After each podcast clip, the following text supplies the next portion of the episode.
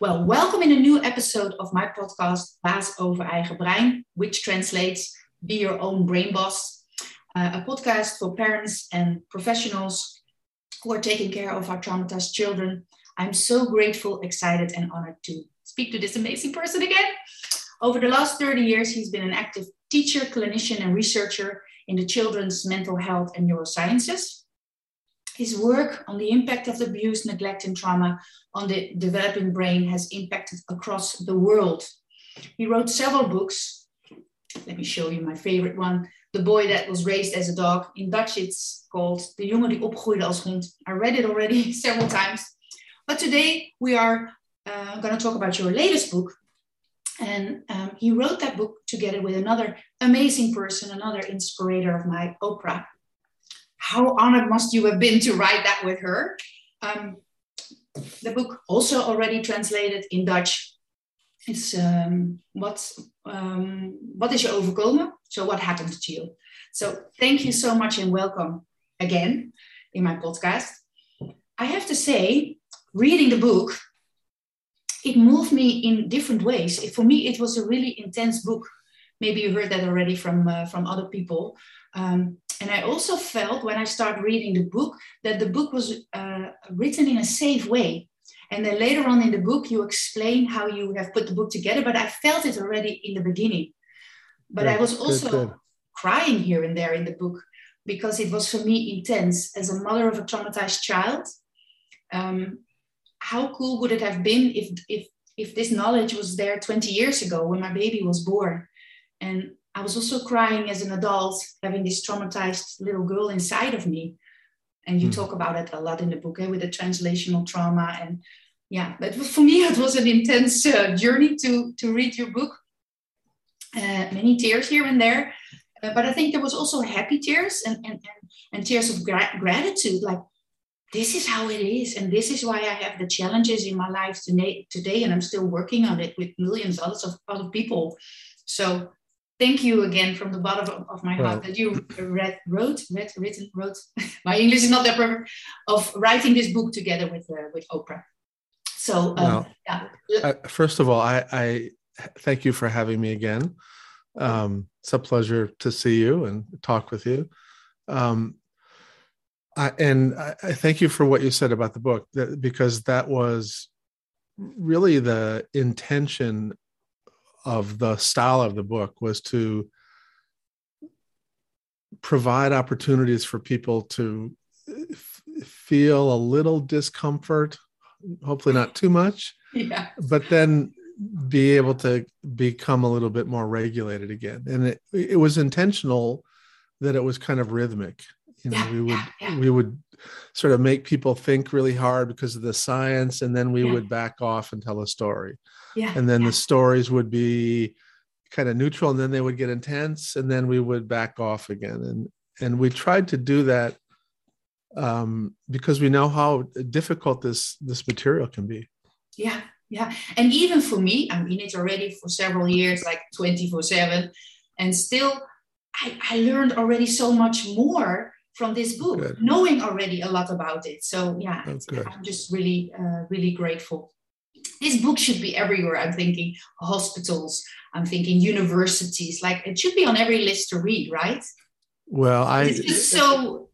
We appreciate. I mean, I have to.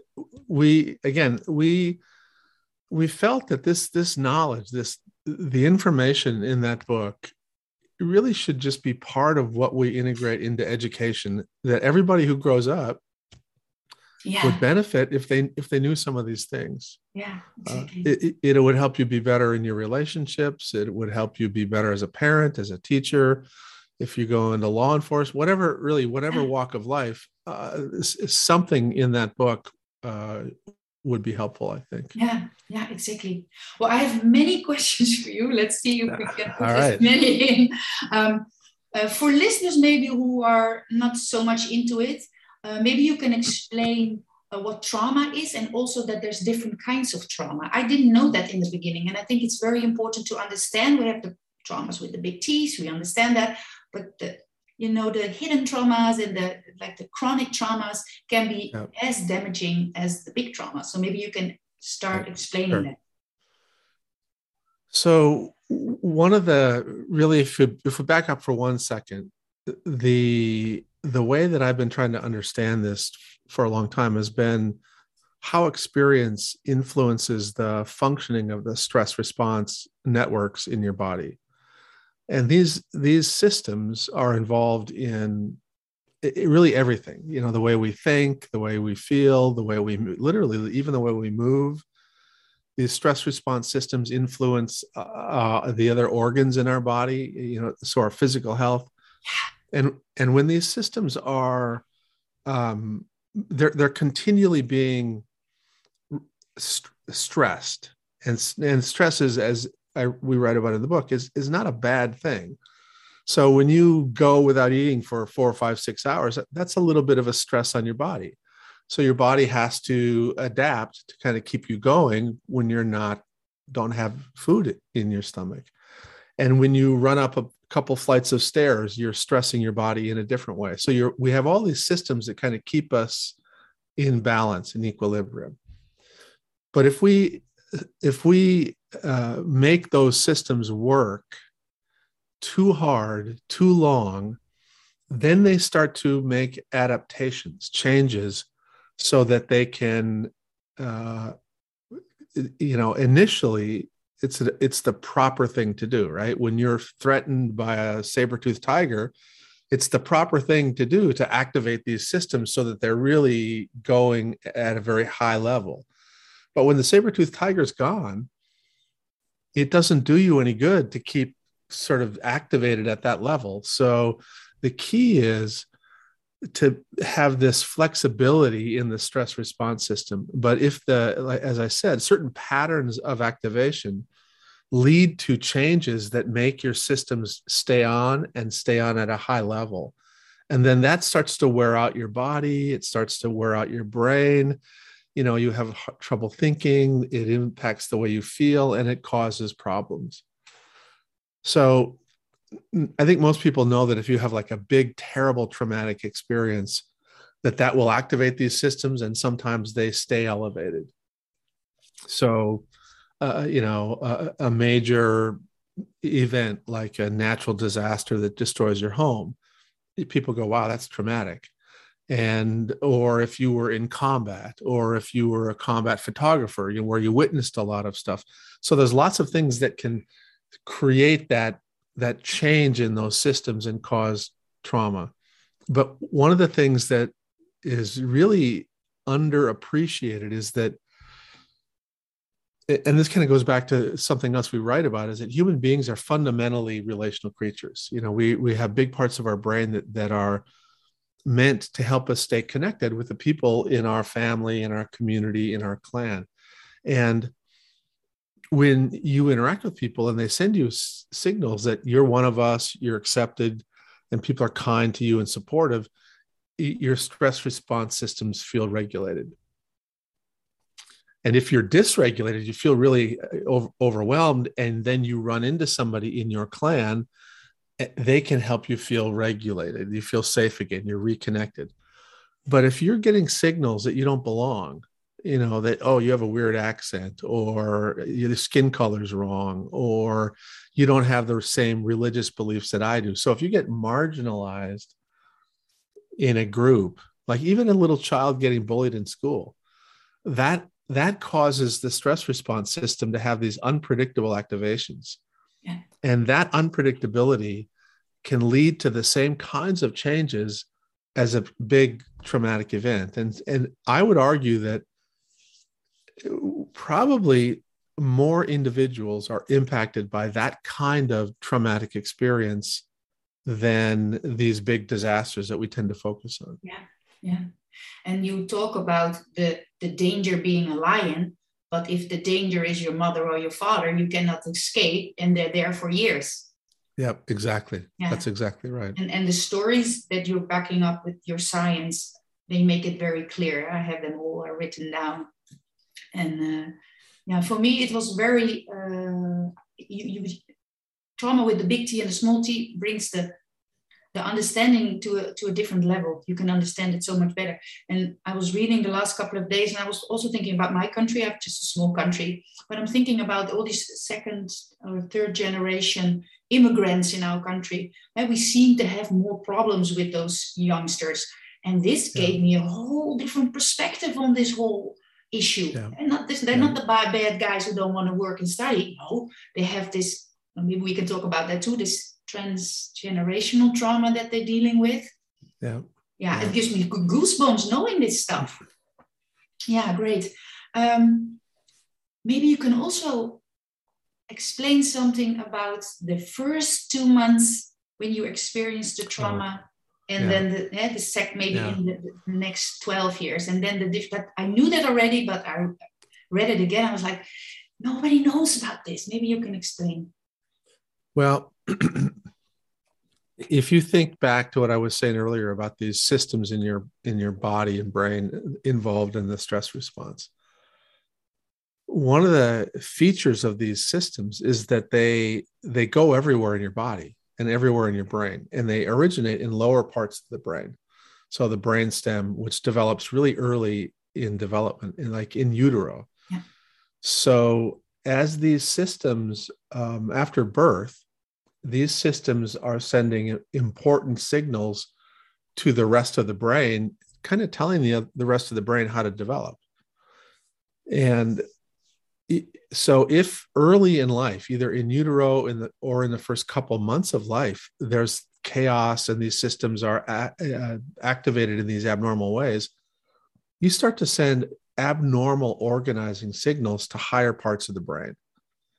And so, what happens is even though you can you can find a group of individuals who had a lot of bad things happen in the first two months of life and then they get into a, a safe stable home these kids have a very high probability of growing up with difficulties with concentration socialization learning and it's very puzzling to people because they're like what are you talking about? Yeah you've had last five years you've been in this home and we love you and it's safe and we give you all these wonderful things and you're going to a great school how is it that you're struggling? Yeah yeah. And, but it's because those systems that are involved in development were impacted by early experiences.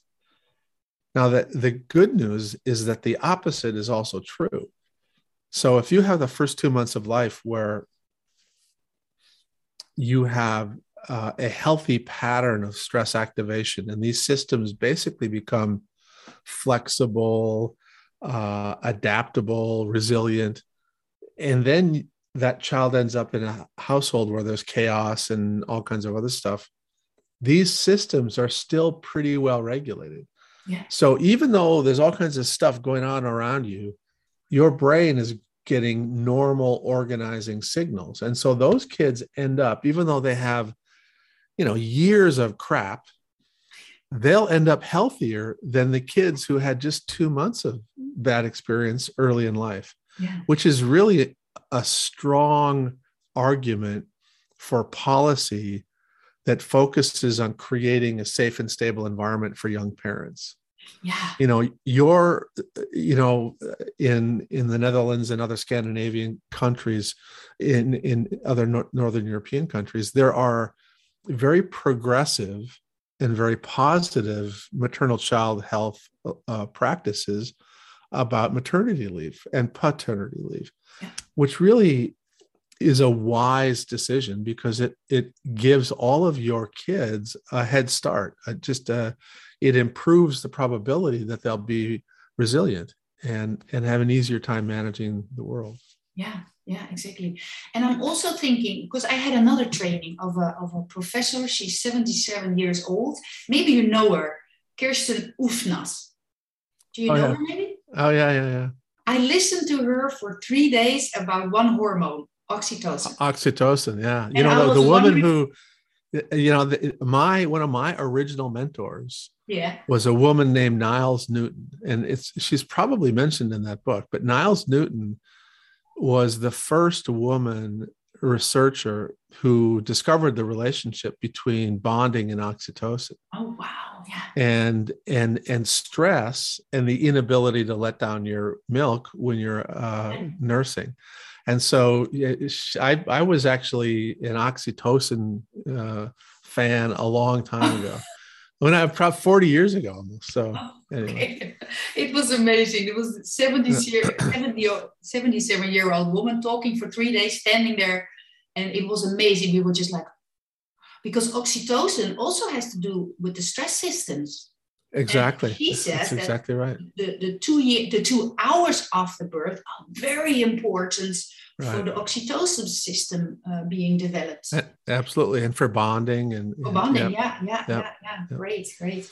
Um, another thing that was um, kind of new for me. Yes, I, I, you told me already that you know going into this traditional way of getting therapeutic therapy, you know, with a stranger into a room was maybe not for everyone.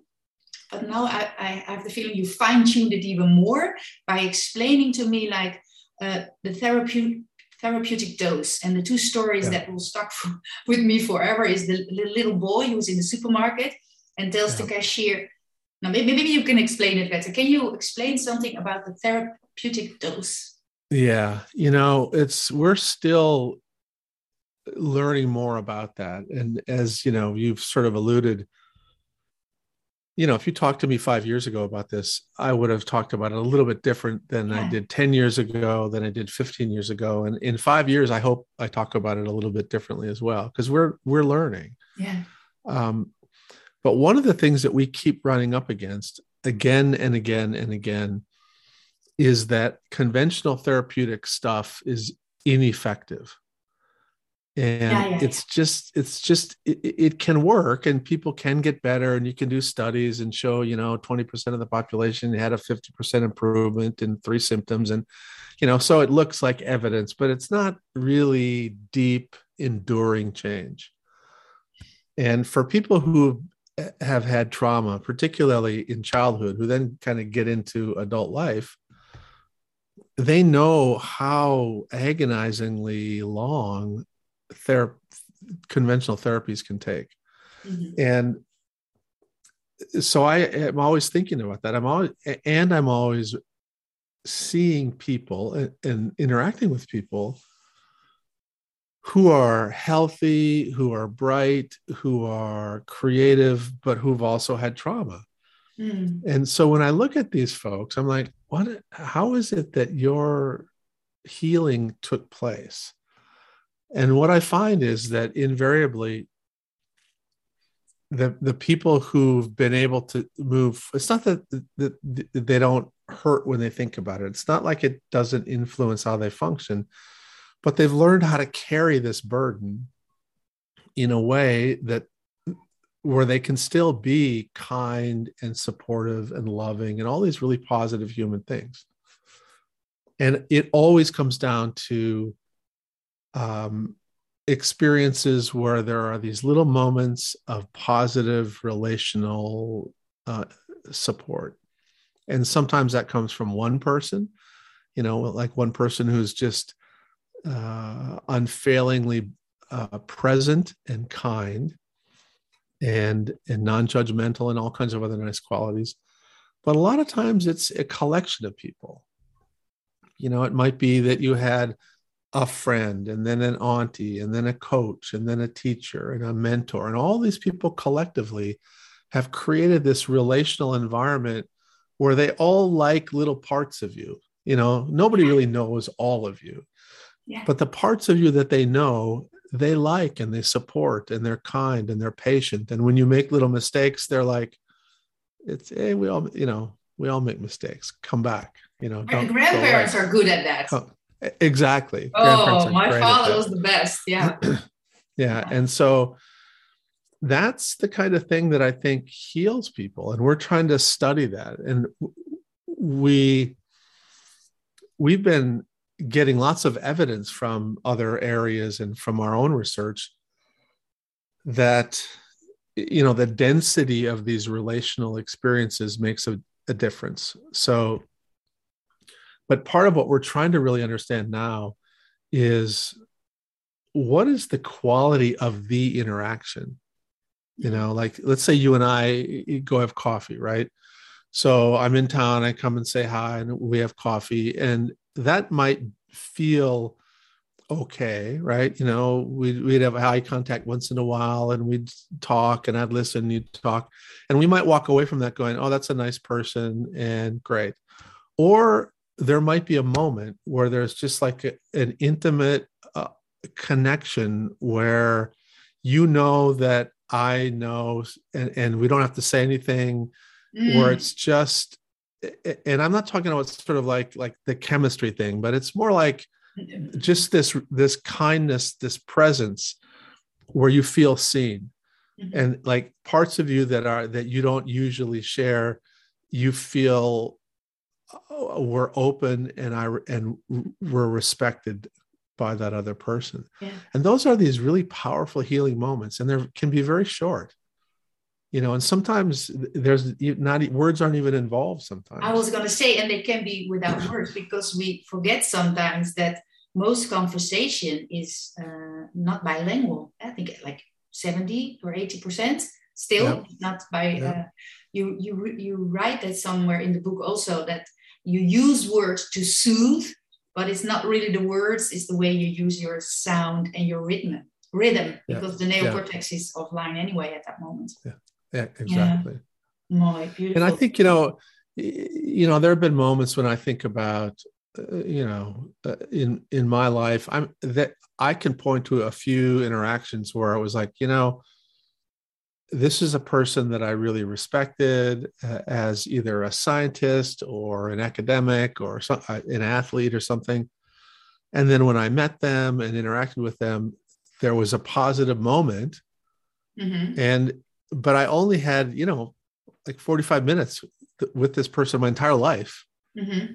But I have used them as a role model. I still feel as if they're a mentor to me even though um, there was just a moment of real personal interaction. Yeah.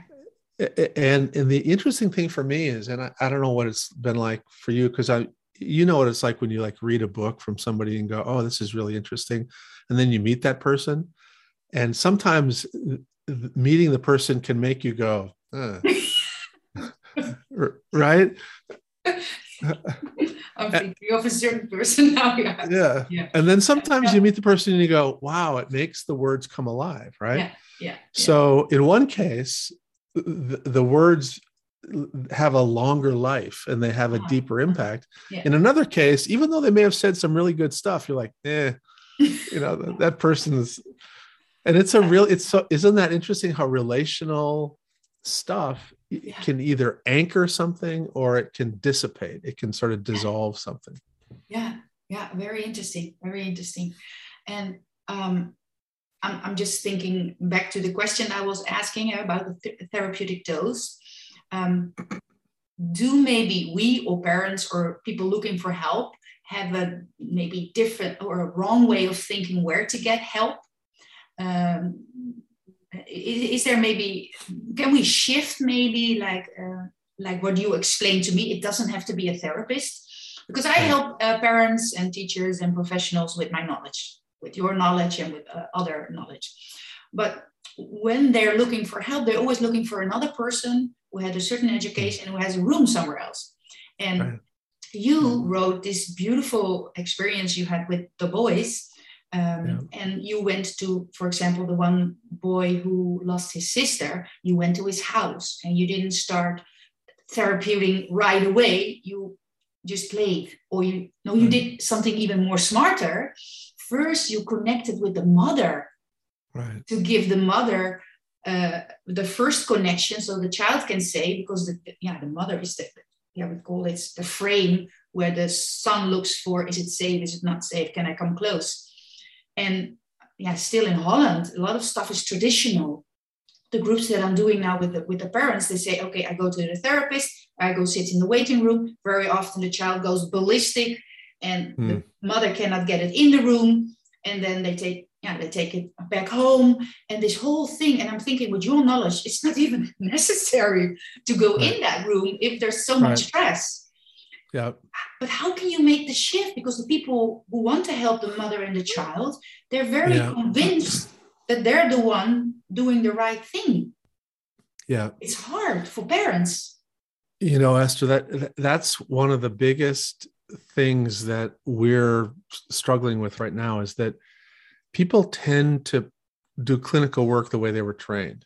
Yeah. And and and there and most of us when we were being trained just assumed that there was some reason that we were seeing kids this way. Mm-hmm. Um, yeah, yeah. And and so we just did it, you know. And yeah. and, and there, I at one point I started to just question, like, well, what's the evidence that the therapeutic dosing should be one hour a week? Yeah. Well, and it turns out that it has nothing to do with any therapeutic work. It has to do with uh, the development of conventional billing models. It has to do with money. I'm thinking about it. Yeah, it has it's to do about with the... billing. Oh, oh yeah. And um, so when we stopped being dependent on our regular medical economic model, we were able to sort of shift the way we did our work. And you know, it's, it's interesting. I mean, I I will have a clinical session that might be in the beginning when I'm just meeting a family, it might be three or four hours. But I, I spend some time with the parents and then with the child that's identified as the client, and then other kids in the household. And they kind of get to know me. And then I may have a couple more, uh, you know, meetings uh, over the next two or three weeks. But usually I get to the point where I, I'm having very minimal contact with people. Um, and I've transferred the moment by moment work into grandpa's hands, a coach's hands, a teacher's hands. And they're, you know, I just help them better understand the child. And, the, and they're doing their interactions that are part of this child's natural life are more regulated, they're more understanding, and these kids end up having much better outcomes. Yeah. So, but again, if I turned around and I tried to get paid for that, if I tried to say to my, you know, the insurance companies in the US, they'd go, well, you know, you can't get paid for that. Or you, you saw five people over a three hour period. We don't, it's like, oh my God, we don't know how to bill for that. Like, that's like, you can only bill for one person per day per, and, and so oh, I was like, yeah, yeah, you know, yeah, that's true. That's true. Oh so yeah. We will change in the U.S. once we change the medical economic model. That's that's the only thing that will lead to uh, change in this. Yeah, but isn't that model uh, underneath the pharmaceutical? Uh, can I say mafia? you know, it's it's very strong. Yeah. The whole the whole, the whole economics economics is oh, built oh, yeah. on that maybe. So yeah. There's that's maybe too big for this. Uh, now it's not about your book anymore, but uh... yeah. Well, you know, in it, that's actually I'm working on a book right now, kind of about that, oh. about systems. Oh wow!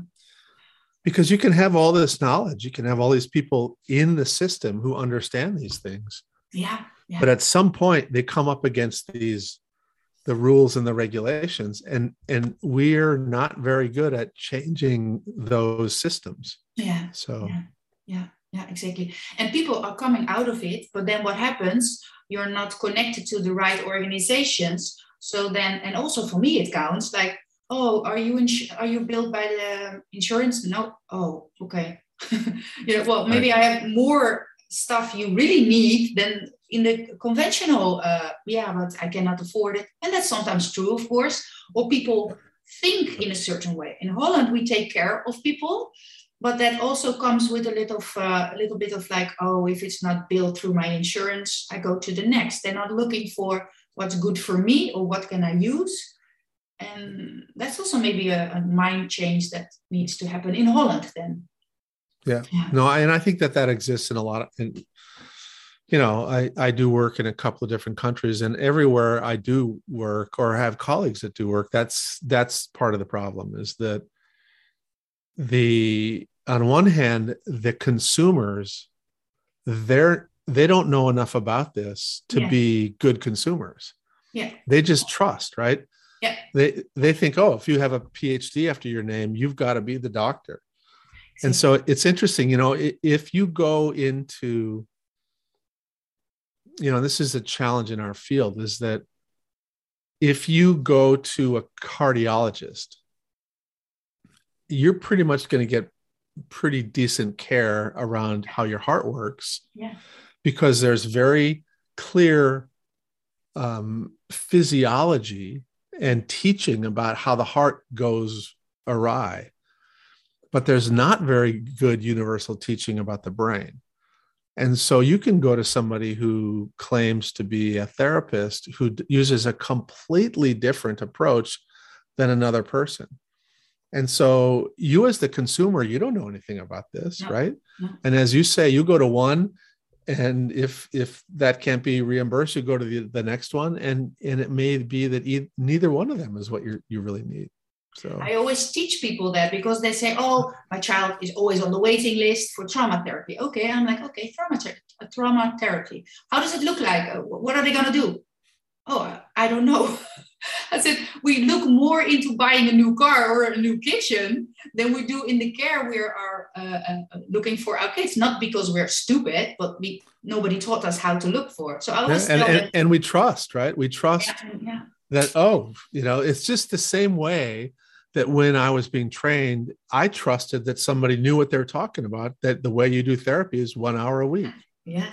Yeah. And then after a while, you realize, maybe that's you know this hasn't been working out very well maybe i should think about this yeah and then and then not the, the thing that was so ironic is that i i actually went into clinical work and i wrote about it a little bit in this book as a neuroscientist mm-hmm. so i knew a lot about the brain and, and i kept doing these things i was like wait a minute if you're going to change the brain this really isn't the way to do it yeah. and you know just think about this esther if i wanted to learn dutch right and, and in order for me to learn Dutch, I would have to change uh, the easiest part of my brain to change the speech and language part of my brain, the cortex, the most malleable part of the brain.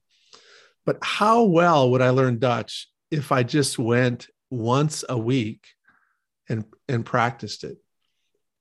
I would never learn Dutch. I was going to say, you need to fall in love with a Dutch person. that helps. There you go. There you go. Tiny little doses of Dutch, right? All day long but that's what would happen right uh, you know and, and so this is kind of what we're expecting with therapy one of the lowest yeah. hardest parts of the brain to change yeah. we have to give it adequate repetitions and doses of good stuff to change but how can we possibly do that in one hour a week? We just can't. So yeah yeah. That's what i try to share also. And i tell the parents you are and also the teachers you are the chemist of your child or your um, student because you give during the day little doses of what they need with the right uh, trauma informed um, approach.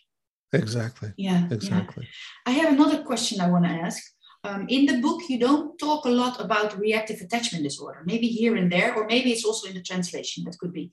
But the question i have in my mind you talk about uh, ptsd you think it's the same or is it close to what it is in the brain? Yeah. for me it's kind of the same but yeah. No it's it i don't tend to use that language um but you know we do we talk a lot about and in my all the rest of my work i'm really um, interested in and, and trying to help individuals who've had attachment problems. Yeah. And a lot of them would fall into the category of the reactive attachment yeah. group. Um, but w- what we've seen in our work is that if you have had the experiences early in life that lead to this profound disruption in attachment it's very likely that you've also had this pattern of stress activation that leads to a sensitized stress response. Yeah. So I think in many ways, it's almost impossible to get reactive attachment disorder without also getting a sensitized stress response. But for me, it's the same, and we just right of a word of it. Like I've been doing it now for a few years, and I always tell the yeah. people who come in my programs, I am not of words anymore. I don't want all the different diagnoses. I know in your beginning of your search, you want the OCD, the ADHD, but right, I'm, right. I'm only sharing from disorganized brains, uh, not very well regulated brains, because then we, we can stay away from guilt. We can stay away from all the labels. We need them because we need to pay for the care. But so that's why I was like, okay, how is your view on that?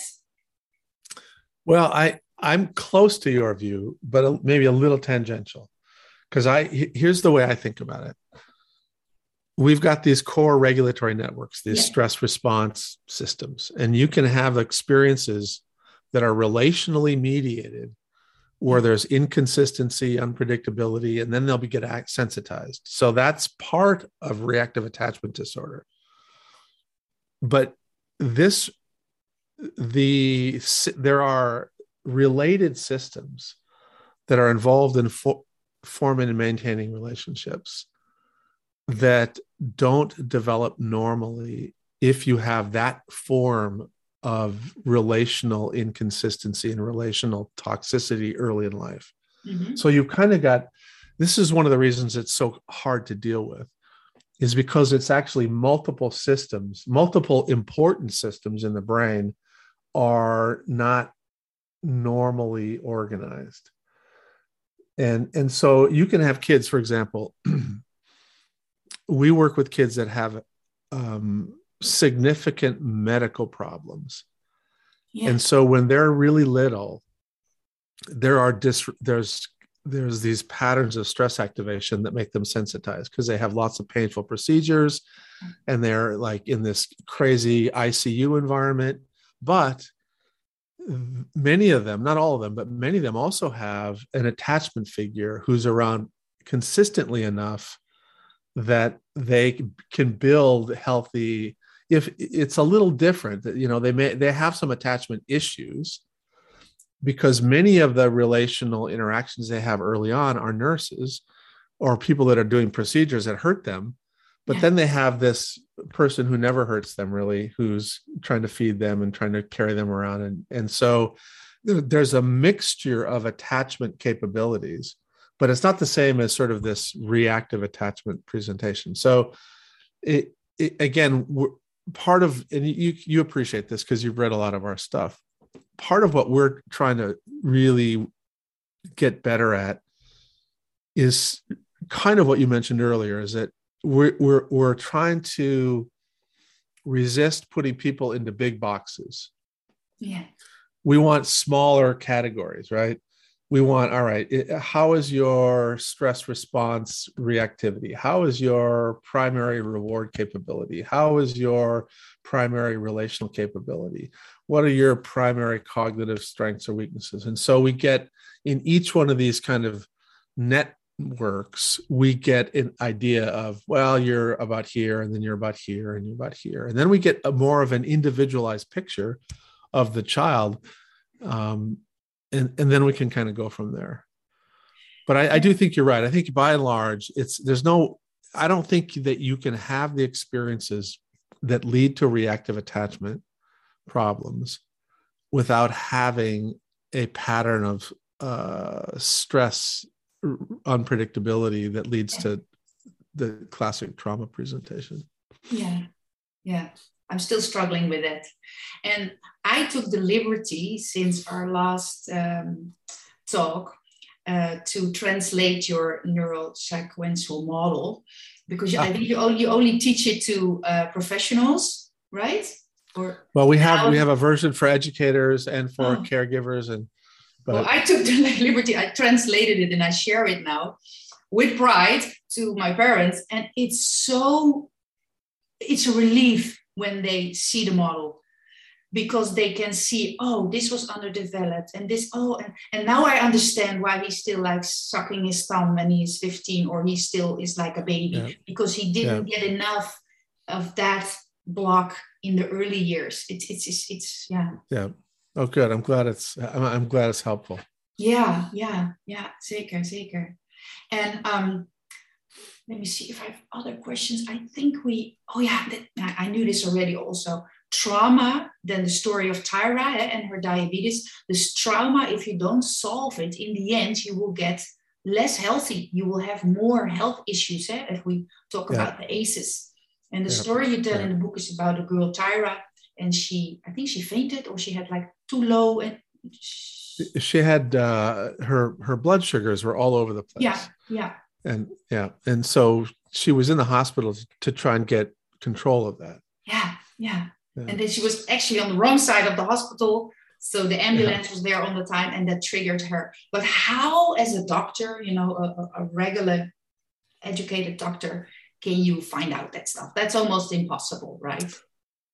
Well, uh, you need a time, Dr. Perry for that. no, no. I mean, it's of, of course, you know, I, I, have to write a book to kind of put things in context about all of my failures. you know, because you don't put in the book that oh, I really blew that, and this person's life was messed up because I was so stupid.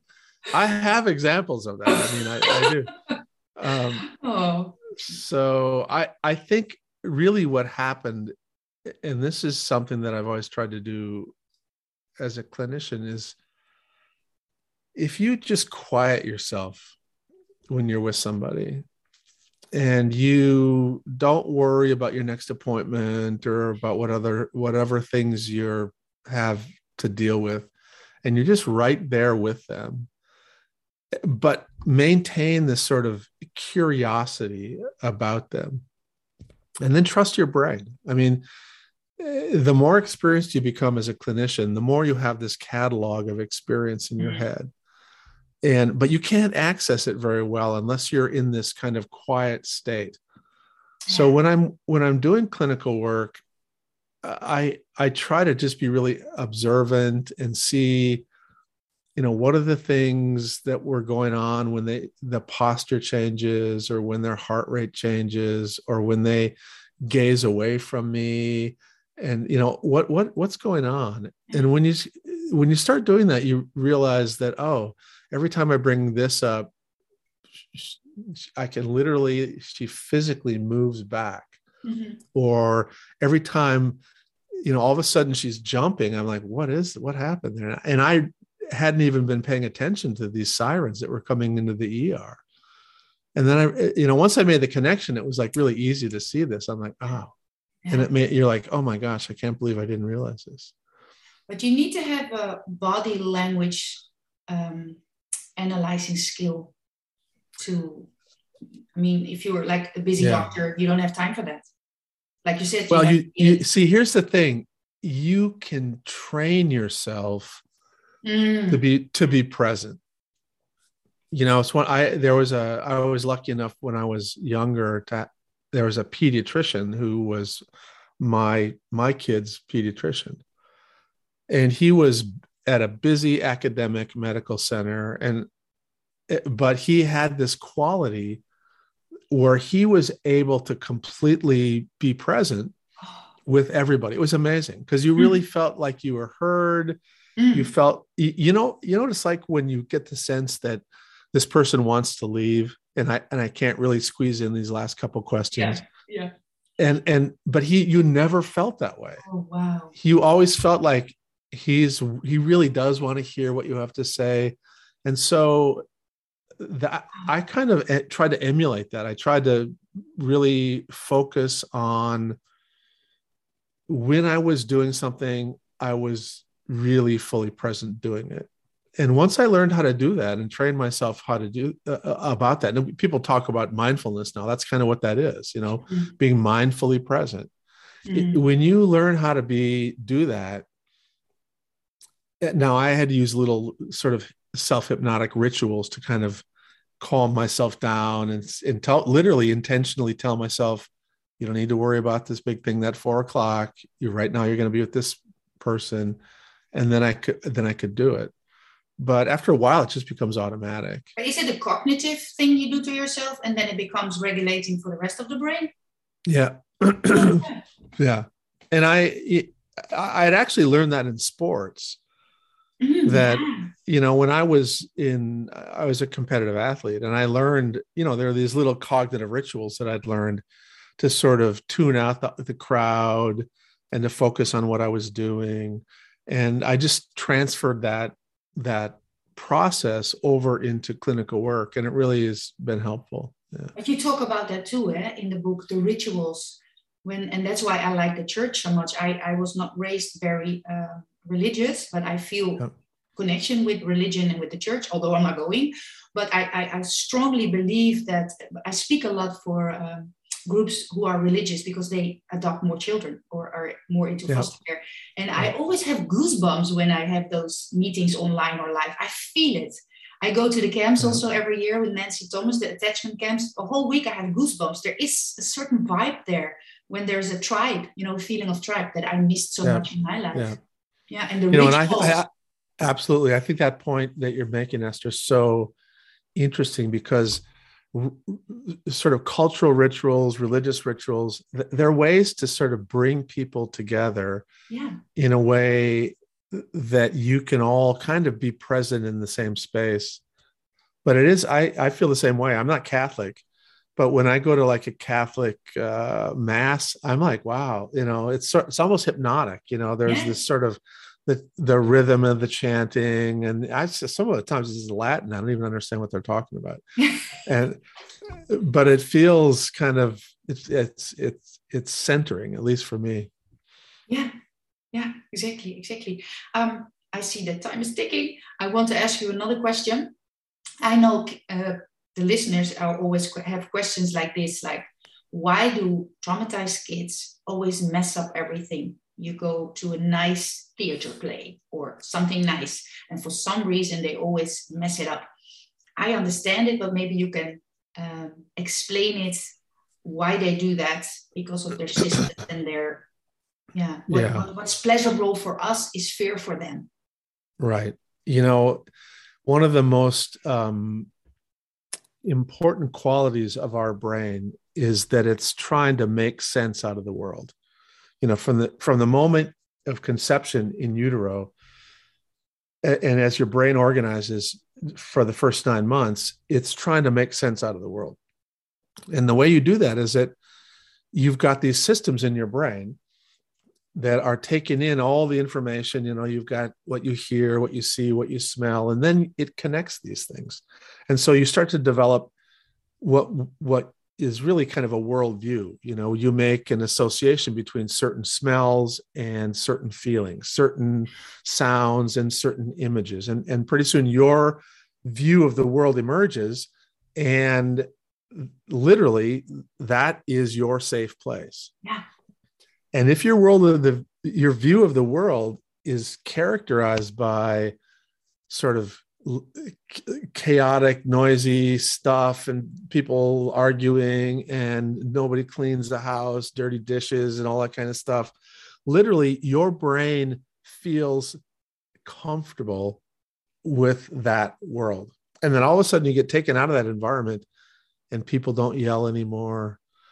People there's no breaking dishes you know at night it's so quiet like how can i go to sleep? It's so quiet. Yeah, yeah. they feel uncomfortable in the what we consider nice yeah, you know what we consider predictable uh, and, and so they'll wait and wait and they get more and more anxious. And then they will ultimately get to a certain point where mostly unconsciously their brain tries to recreate yeah. the chaos that they're used yeah. to. Yeah. and then that, of course, now the irony is, of course, when they create the chaos, it usually makes us upset. And so we'll, you know, give them consequences. And a lot of times that the parents will say, or the teacher will say, they almost acted like they wanted to get punished. You're like, yeah. exactly. Oh, That's familiar to them. That's that makes them feel comfortable. You almost feel them have this sigh of relief as they're being marched off the principal or they're being told to go to their room or wh- whatever it is. And and it it's it takes a while for parents that work with kids like this and live with kids like this to recognize that what is rewarding for me is not rewarding for him. Yeah. and what is a consequence for me is not a consequence for him. And so you you start to you know once you can figure that out a little bit um, you can slowly help build for the child a new worldview, but it takes time. And and uh, part of the problem is these kids are so good at creating the mess that they get the world to replicate their experiences of rejection, marginalization, humiliation, anger, all that kind of stuff. Yeah. And so they get kicked out of school yeah. or they get moved from foster home to foster home or you know they they you know it just becomes this unfortunate self-fulfilling prophecy. Yeah. Yeah. Yeah, and and the parents of those foster cares that I uh, I'm honored to to give my knowledge. They they are dealing with it in such a hard ways, and then the system around them they learn how to look at it in a different way. Like I said last time, I have my monster always my attachment monster.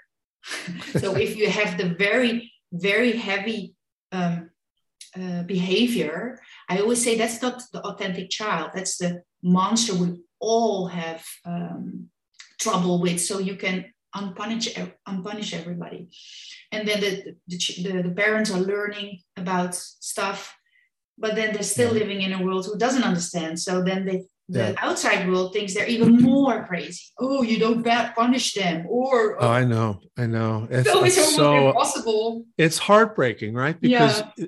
as you help them understand these kids then they send them to a school that doesn't understand the kids. Yeah. And then the school just makes it worse and you're like oh yeah. Or, or I've just as you're saying, one of the things I've seen happen a lot is even the extended family will say, "Oh, you know, you got to hold this kid accountable for his behaviors. Yeah. You know, you're part of the problem," and it so makes these parents feel shamed or guilty or confused, and it, it's we just, you know, I think what's so important about your work and the work that we've been trying to do over here is the more people who understand these things, the more we'll be able to make progress.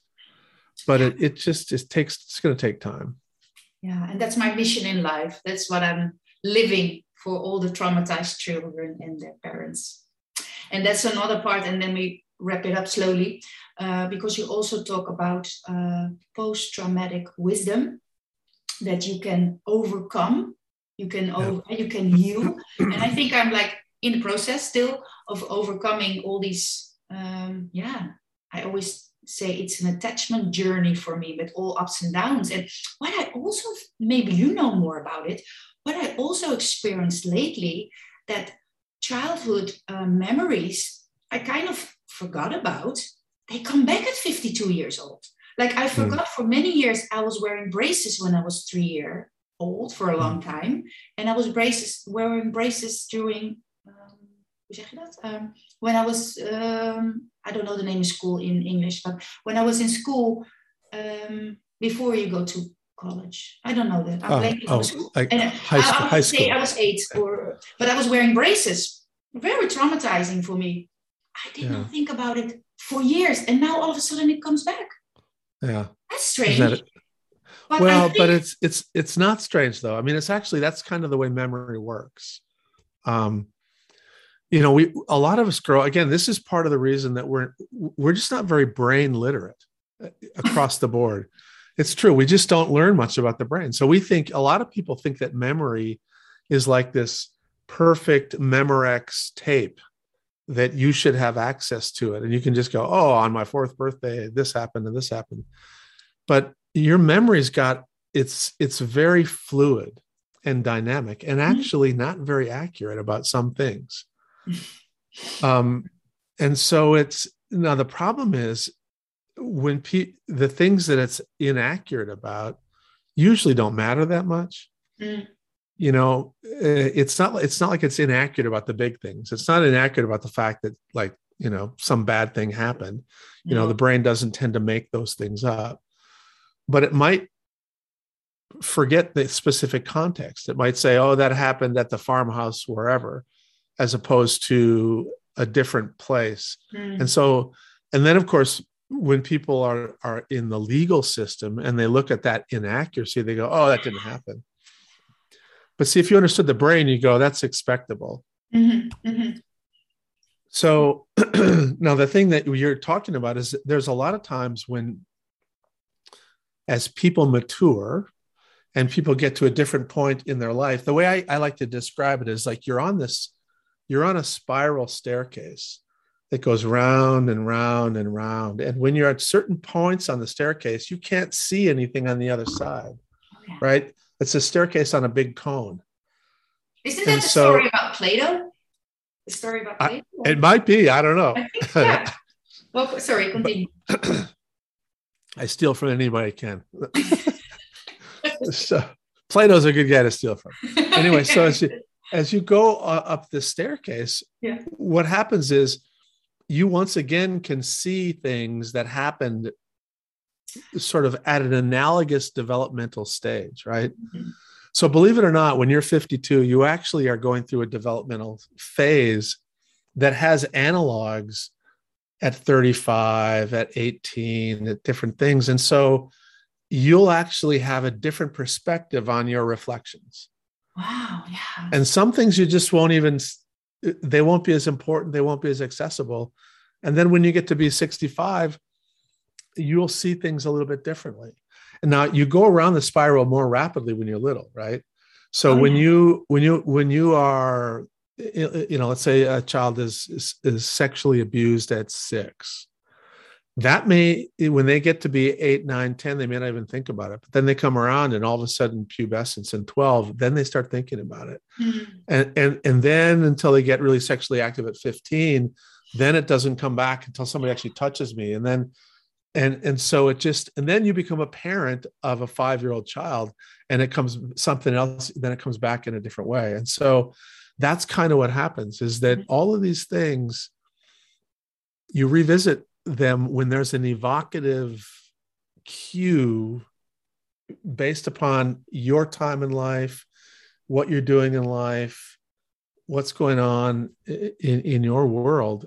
And you can all of a sudden think about something that you haven't thought about for 20 years. But things that are quite intense because absolutely I'm always analyzing absolutely. everything. And I'm like, yeah. maybe that was why yeah. I always felt like like a prisoner or very lonely and very powerless because when I was little, I didn't have the words, I didn't have my cognitive functions uh, well developed. Right. So I only have that body memories of that experience. Yeah. So, yeah, interesting, interesting. Well, um, just to wrap this amazing conversation up, I want to ask you, I always ask at the end, what is the one thing that you want to give after these conversations to my listeners? The one thing they should read the book, of course. but what is the one thing that they can take from this conversation? It's well, lot, I, and we only could touch it here and there, but yeah. Well, I, I, think the one thing that's really most important for people uh, that I hope people recognize is that they have a lot more power than they realize, mm. and that that power is in the moment, right? It every time with anybody you know, whether they're a child, an adult, it, it, if you can be fully present for them and you can take a moment for them, that actually is a little dose of healing and and that you have the ability to to be a healer and and and that and you heal that way as well every time you're present for someone someone else it's as good for you yeah. as it is for them yeah. And so that's what I want people to, to remember that these moments matter. These tiny moments matter. Yeah. You know, when you just after work having coffee with a friend and you glance at them and you kind of have this moment. That's those that's what life's all about. Yeah. Yeah.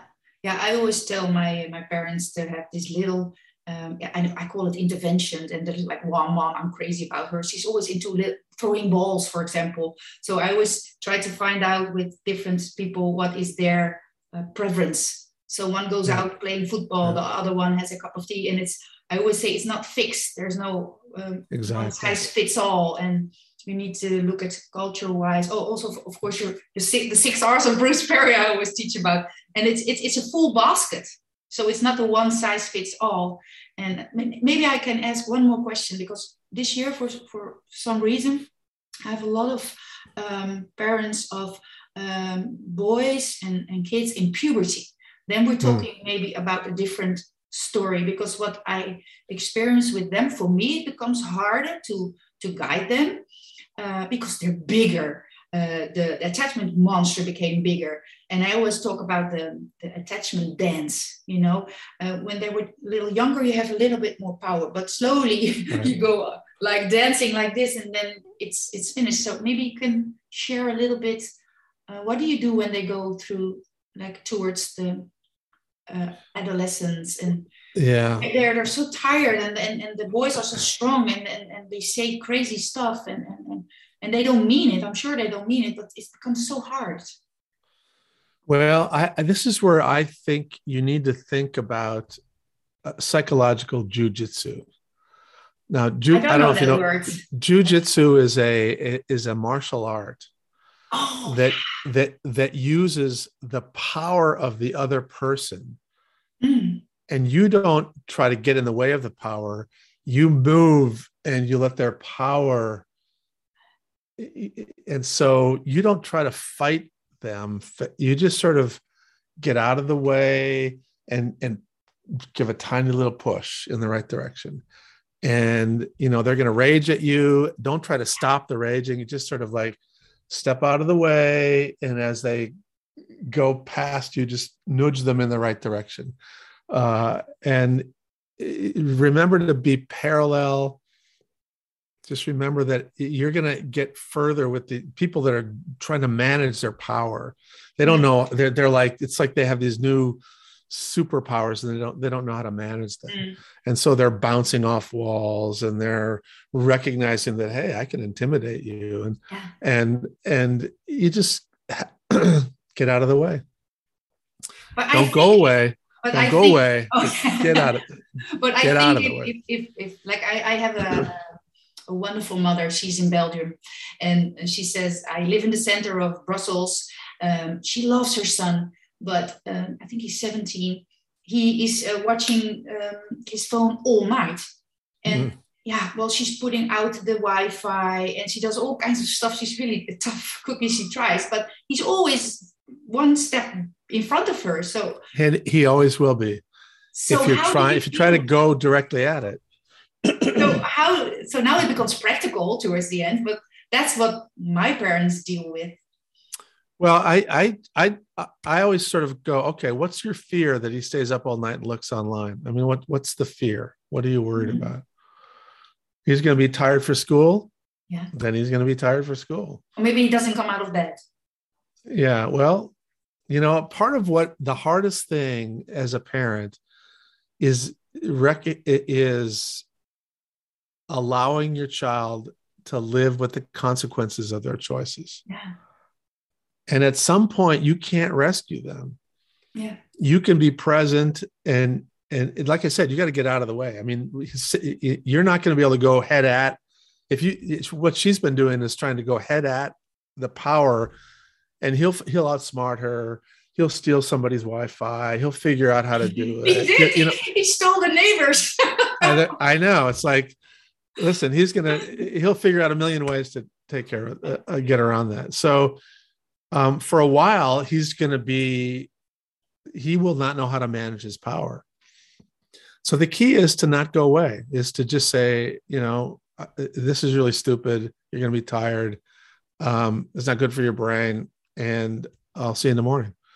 Um, the more you fight, the more you uh, you just prolong the opportunity to help him ultimately learn how to manage that. Yeah, and it doesn't help the attachment, which is already right. struggling.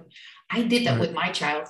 At one point, I let her go, and she I didn't change classes. She had to redo the class because I was tired of yeah nagging, nagging, nagging. Yeah, and also with getting out of the bed. One thing I did, and it was the next day. It was over. She would never come, come out of bed. So every morning, you're like with a knot in your stomach, like, oh, here we go again and there was an outing of school and i was always going and i slowly started to get the right information eh, to, to, to, to get a different approach because i've been doing it wrong for many years and there was a nice school outing we went to a museum with her class i said okay good morning uh, we need to go i don't want to go okay that's fine i took my clothes on and i went on the outing without her, I left her. I could leave her alone. That was the last time I she ever. Uh, and, and see, that's that's a, a great example. It's like you didn't. Why fight with her? Just it's like I wasn't angry, and I was making pictures with the ladies. Hey, man, we miss you. Next time you have to come. So I was not angry, and she was so surprised. And that for me was the key. Like we need to be outsmart yeah. the attachment monster. And you also have to not be so afraid yourself of Doing you know, you have to, yeah, you have to go, okay, it's okay. You know, if she it's has hard. to take it's hard. It, it is hard. Yeah. But you just have to say, you know what? I, I, this isn't me going to school. This is her going to school. And you know, she doesn't want to go to class. She's going to have to redo the class. Yeah, I did that. and but a lot of parents, what they do is they'll do the homework for the kid, and yeah. they'll do all kinds of other stuff. And that, I did that first. End. I did. At, yeah. first, I made all the mistakes, and and then yeah. Yeah. Oh, Thank you. I think that the parents can also use very practical solutions. And that's very hard to find. Like Nancy Thomas gets me a lot of really clear functional things in the daily life. Yeah. Um, maybe you have that somewhere even more, like when you. Well, we, you know, part of the dilemma is, as you talked about earlier, is that every family is a little bit different, yeah. right? Yeah. So, but we do think that if if you have like a coach, kind of a uh, somebody who can help you and remind you what you already know, because a lot yeah. of times you you know, but you need uh, to just be regulated enough so that you can get access to your own cortex again. Yeah, yeah, yeah. And but so we do that. I mean, we, that's a big part of what we do with some of our clinical stuff. But then you're really like uh, you're you're working with the families. You're more direct. Exactly. Yeah. Exactly. I yeah. think that's why what I'm doing. I have like an online training. It's it's like a whole library full of stuff with knowledge. But I think the most valuable thing is I um, I let them come online like we do. So we have groups and they can yeah. share because I think sharing is very healing oh Very i'm not healing. alone in it yeah. i'm not stupid i'm not failing and yeah. then they can share about oh yeah I, I took the wi-fi off but then he was using the neighbors or uh, you know so this yeah. whole um, trying to figure out how to deal with it to make it more practical and coming together for me that's for the moment so nice to give to people well and i think that that goes to the whole sense of being connected being part of a community yeah. I think that that's that's uh, rewarding and regulating, and yeah. it just makes it easier to go back in and do the hard work. Yeah. Well, thank you so much. My pleasure. It's great to see you. Yes. Well, good luck with your book tour worldwide, and uh, I will promote it even more in uh, Holland by Thank sharing our conversation again. Say hello to Oprah for me. I, I, I, will. I will. oh. All right. Well, thank you so much and have a good day. You bet. Thanks for the opportunity. Bye bye. Bye bye.